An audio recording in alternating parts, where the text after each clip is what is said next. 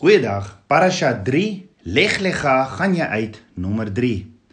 Abba Vader het 'n verbond met Abraham gesluit en die volgende vir Abraham gesê in Genesis 12 vers 2 tot 3. Ek sal jou 'n groot nasie maak en jou seën en jou naam so groot maak dat jy 'n seën sal wees. En ek sal seën diegene wat jou seën en hom vervloek wat jou vervloek en in jou sal al die geslagte van die aarde geseën word. So Abraham het woord van 'n Ba Vader ontvang dat hy 'n seun gaan kry en dat hy die vader van 'n baie groot nasie gaan wees. Maar Abraham het egter geweet dat sy vrou Sara onvrugbaar was. In Genesis 15 vers 2 tot 4 vra Abraham vir Abba Vader: "Here, Here, wat sal U my gee, aangesien ek sonder kinders heen gaan en die erfgenaam van my huis, die Damaskener Eliezer is?" Verder het Abraham gesê: "Aan my het U geen nageslag gegee nie, so sal dan die bediende van my huis my erfgenaam wees." Toe kom die woord van die Here tot hom en sê: "Hierdie een sal jou erfgenaam nie wees nie, maar die een wat uit jou liggaam sal voortkom, hy sal jou erfgenaam wees." Met ander woorde, Abraham sien, hy sal oud en volgens hom is dit onwaars onwaars onwaarskynlik of selfs onmoontlik dat sy vrou wat onvrugbaar is, sal swanger word en maak Abraham toe 'n plan. Of so probeer Abraham toe vir Abba Vader uit te help dat Abba Vader nie in die moeilikheid kom oor die belofte wat hy wat gemaak is wat nie sal waar word nie want sy vrou is onvrugbaar en Abraham en sy vrou Sara is al baie oud. Jy sien ons kom in die moeilikheid wanneer ons Abba Vader probeer uithelp of partykeer wanneer ons die droom wat Abba Vader vir ons het wil vooruit hardloop. Maar Vader het nie nodig dat ek en jy vir hom moet uithelp nie. Asof hy magteloos is en asof hy dit nie gaan kan laat gebeur wat sy woord, sy belofte sê nie. Die vraag is hoekom sukkel ons net so so baie om op 'n Vader te vertrou? Yeshua sê in Lukas 18 vers 27, die dinge by mense die dinge wat by mense onmoontlik is, is by God moontlik. As Abba Vader vir jou 'n droom of 'n belofte gegee het, is hy in staat om dit te volbring sonder verskoning en sonder vrystelling. Hy is God. Dink daaroor. Watse belofte van Abba Vader wag jy al so so lank voor?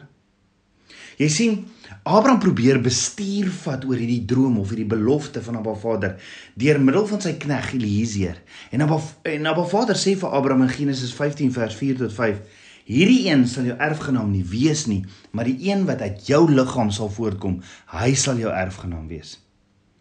Daarop bly hy hom uit na buite met die woorde: "Kyk nou op na die hemel en tel die sterre, as jy as jy hulle kan tel." En hy sê vir hom: "So sal jou nageslag wees." Met ander woorde, Abba Vader wys vir Abraham dat hy nie die mens nodig het om plannetjies te maak om sy beloftes te vervul nie en so bietjie later Hier kom Sara en sy sê in Genesis 16 vers 2 tot 3 vir Abraham: "Jy weet, die Here het my nie toegelaat om moeder te word nie. Gaan tog in by my slavin. Miskien sal ek uit haar gebou word." En Abraham het na Sara geluister. Ja, is miskien omdat Abba Vader gesê het hom sal 'n seun kom, nê? Nee. So, miskien moet hy, miskien moet hy maar by Sara se slavin gaan slaap. Toe neem Sara, die vrou van Abraham, Hagar, die Egiptenaar, haar slavin, nadat Abraham 10 jaar in die land Kanaan gewoon het, en gee haar aan haar man Abraham om sy vrou te wees. Met ander woorde, rukkie na Abba Vader en Abraham se gesprek, kom Sara en sê vir Abraham: "Gaan in saam met Hagar sodat Abba Vader belofte, sodat sy belofte kan vervul word."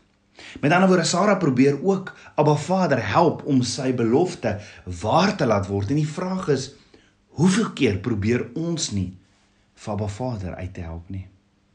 Of hoeveel keer vat ons die droom wat Vader nie vir ons het en hardloop met hom vooruit nie? Jy sien Abba Vader leer my die vyand is daarop uit om Abba Vader se kinders te vermorsel. Die vyand is daarop uit om jou verhouding met Abba Vader te breek. Die vyand is daarop uit om jou hart te steel. So my Vader leer my daar is 'n gees van die vyand wat daarop uit is om my Vader se kinders verder te vermorsel deur sielsbande. Hierdie gees kom bind jou en jy sien dit glad nie kom nie. Jy val basies onder slawerny en hierdie verbintenis skeer jou hart en maak ook dat Abba Vader jou oorlaat aan jouself as jy toelaat dat hierdie gees jou kom bind. As jy toelaat dat hierdie gees jou hart steel. Hierdie verbintenis maak jou swak vir mense en ander mense kan dit nie verstaan wat met jou aangaan nie. Hierdie gees se naam is soul ties of sielsband. Jy vind jou vasgebind in 'n verhouding en dit is nie altyd seksueel nie. Jy sien dit glad nie kom nie en jy kan nie daar uit nie. Met 'n sielsband is jou liggaam nie gebind nie, jou jou finansies is nie gebind nie, maar jou hart is gebind en die vraag is aan wie behoort jou hart? Jy sien die toestand van my en jou hart bepaal die verloop van ons lewens. Jeremia 17 vers 9 sê: "Bedrieglik is die hart bo alle dinge, ja verdorwe is dit. Wie kan dit ken?" Jy sien my en jou hart word geassosieer met gevoelens en emosies. Met ander woorde, die vyand se aanslag is hoofsaaklik gefokus op ons harte. Die boel, hy's gefokus om ons om ons in die hart te tref want ons harte is dis waar ons gevoelens en ons emosies is om ons verhouding met Abba Vader te verbreek. Dis die vyand se taak dit. Daarom is myn jou grootste verantwoordelikheid is ons harte om ons harte te bewaar want Abba Vader sê ook in Spreuke 4 vers 23 bewaak jou hart meer as alles wat bewaar moet word want daaruit is die oorsprong van die lewe bewaak jou hart meer as alles. Baie mense sê ja, maar Jesus, ek het so seer gekry by die kerk. Nee. Nee, jy het jou fokus verander van Abba Vader na iemand in die kerk. En Abba Vader sê bewaak jou hart meer as alles wat bewaar moet word. So wat beteken dit dat jy jou hart so bewaar dat jy jou verhouding met Abba Vader die hoogste prioriteit maak of hou? Dit beteken Niks of niemand is belangriker as Abba Vader in jou lewe nie.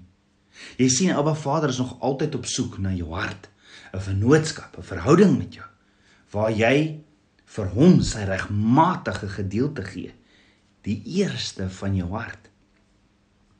Want sien Abba Vader het reeds die onmoontlike gedoen. Hy het vir jou 'n hartklop gegee. Van dink daaroor. Dis nie of ek en jy enigiets doen om ons harte laat klop nie. En die gemiddelde hartslag per minuut is 72. En wat doen ek en jy om dit te laat gebeur? Ons harte klop 4320 keer per uur, 103680 keer per dag en elke hartklop is net Abba Vader se genade en die vraag is klop jou hart vir hom?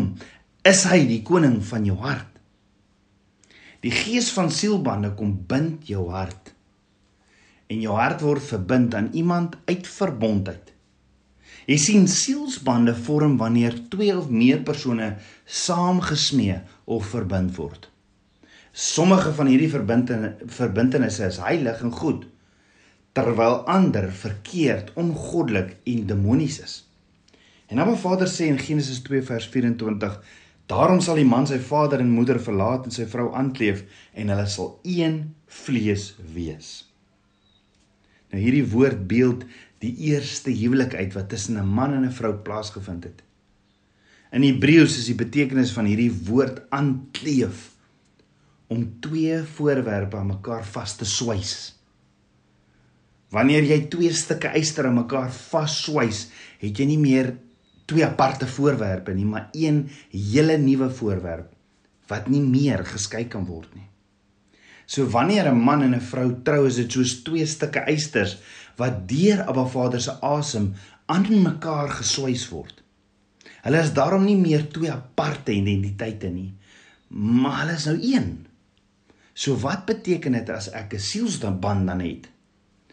Dit beteken jou sielsfragment met wie jy intiem betrokke geraak het, word uiters jalo jaloers aan jou vorige sielsverbintenis se liefde en aandag. Hierdie sielsband gaan konstant probeer om jou ware geluk en droom wat Abba Vader vir jou lewe het te saboteer. Hierdie sielsband gaan alles probeer om die oorspronklike eienaar van jou hart te saboteer. Hoe doen hierdie sielsband dit? Dis soos 'n virus wat jou harde skyf op jou rekenaar aanval. Hierdie virus kom besmet jou wil, jou gedagtes en jou gevoelens. Wat hierdie sielsband doen is net as dinge lyk asof dit goed gaan, vind jy ewe skielik 'n irrasionele vrees vir verwerping wat verskyn uit die bloute en 'n onderbewuste stemmetjie sê vir jou om te hardloop. Of jy kry 'n stormloop van onverklaarbare woede of jaloesie wat sal opspring wat gif spoeg oor ander baie diep verhoudings wat jy het met ander. Nou Sara wou so graag Abba Vader se droom oor Abraham en haar laat vervul word dat sy vir haar man haar slavin Hagar gee sodat hierdie droom vervul kan word. Sy was so desperaat vir hierdie droom, vir hierdie kind wat Abba Vader beloof het. En die vraag is: Sara, wat het jy gedink? En Abraham, hoe laat jy dit toe? Het Abba Vader nie vir jou gesê hy het nie die mens nodig om sy woord te vervul nie? En die vraag is, en ek en jy, Jy sien in ons poging om omstandighede te manipuleer waaroor ek en jy nie beheer het nie, begin ons groot eysterballe teen 'n berg af te rol. En as hierdie eysterballe begin rol, het dit eers in die toekoms nagevolge wat ons dan nie kan stop nie. Sara het eysterballe wat sy nie kan stop nie omdat sy Abba Vader se droom vir hulle lewe wou kom vervul het. En sien so baie keer wil ons iets sommer impulsief doen en wil ons omstandighede so bietjie manipuleer want jy het beheer issues wat jou dan jare sal neem om reg te stel. Sit jy vandag met issues, beheer issues in jou lewe as gevolg van impulsiewe besluite? Sara was soos ek en jy naïef om te dink sy gaan hierdie omstandighede en die droom van haar vader manipuleer en om te dink daar gaan geen nagevolge wees nie. Kan jy vir 'n oomblik dink hoe Mosara gevoel het toe Hagar swanger geword het en sy begin dra het? En Hagar roep vir Abraham om te kom voel hoe skop die baba? Kan jy dink wat se jaloesie Sara oor haarself gebring het weens beheer issues? Kan jy dink hoe Hagar gespog oor haar baba soos wat vrouens doen en Sara is heeltemal uitgelaat? in hierdie situasie? Jy sien Hagar het nou iets in gemeen met Abraham wat Sara nie het nie. Hagar het Abraham se eerste seun en Abraham moes redelik breëbors geloop het oor sy seun. Maar die vraag is, wat van Sara? Hoe het Sara nou gevoel? En Abba Vader leer my goddelose sielsbande kom om my hart te skeer in stukke en eintlik behoort jou hart aan hom. 'n Goddelose sielband is wanneer die emosies, die verstand en die wil van die mens verstrengel raak tot die punt waar hulle gedagtes nie meer hulle eie is nie. 'n Goddelose sielsband vind plaas wanneer iemand onnatuurlik en buitengewoon deur iemand anders in die sielsdimensie, die wil en emosies geaffekteer word en 'n streng na so so 'n streng drang na so iemand het. Hoeveel keer het ek en jy nie besluite gemaak so Sara en Abraham nie, Tabernakels kind van Abba? Mag ons terugdraai na Abba Vader toe en vra vir vergifnis. Mag ons vandag van Abba Vader weer beheer gee oor sy drome vir ons, want hy het 'n droom vir jou lewe. Jeremia 1 vers 5. Mag ons vandag weer van Abba Vader die regmatige plek van ons harte gee die koning van ons hart. Kom ons bid saam. Aba Vader, koning van my hart. Vader, ek loof en ek prys U. Vader, hier is my hart. Kom was my met U woord, met die waterbad van U woord. Vader, kom leef in my. Vader, U is die koning van my hart en dankie, dankie vir U liefde en U genade. Vader, leer my om my hart te bewaar was die oogskille van my oë af. Open the eyes of my heart. Ek bid dit alles in Yeshua Messie se naam, die seun van Jahweh. Shalom.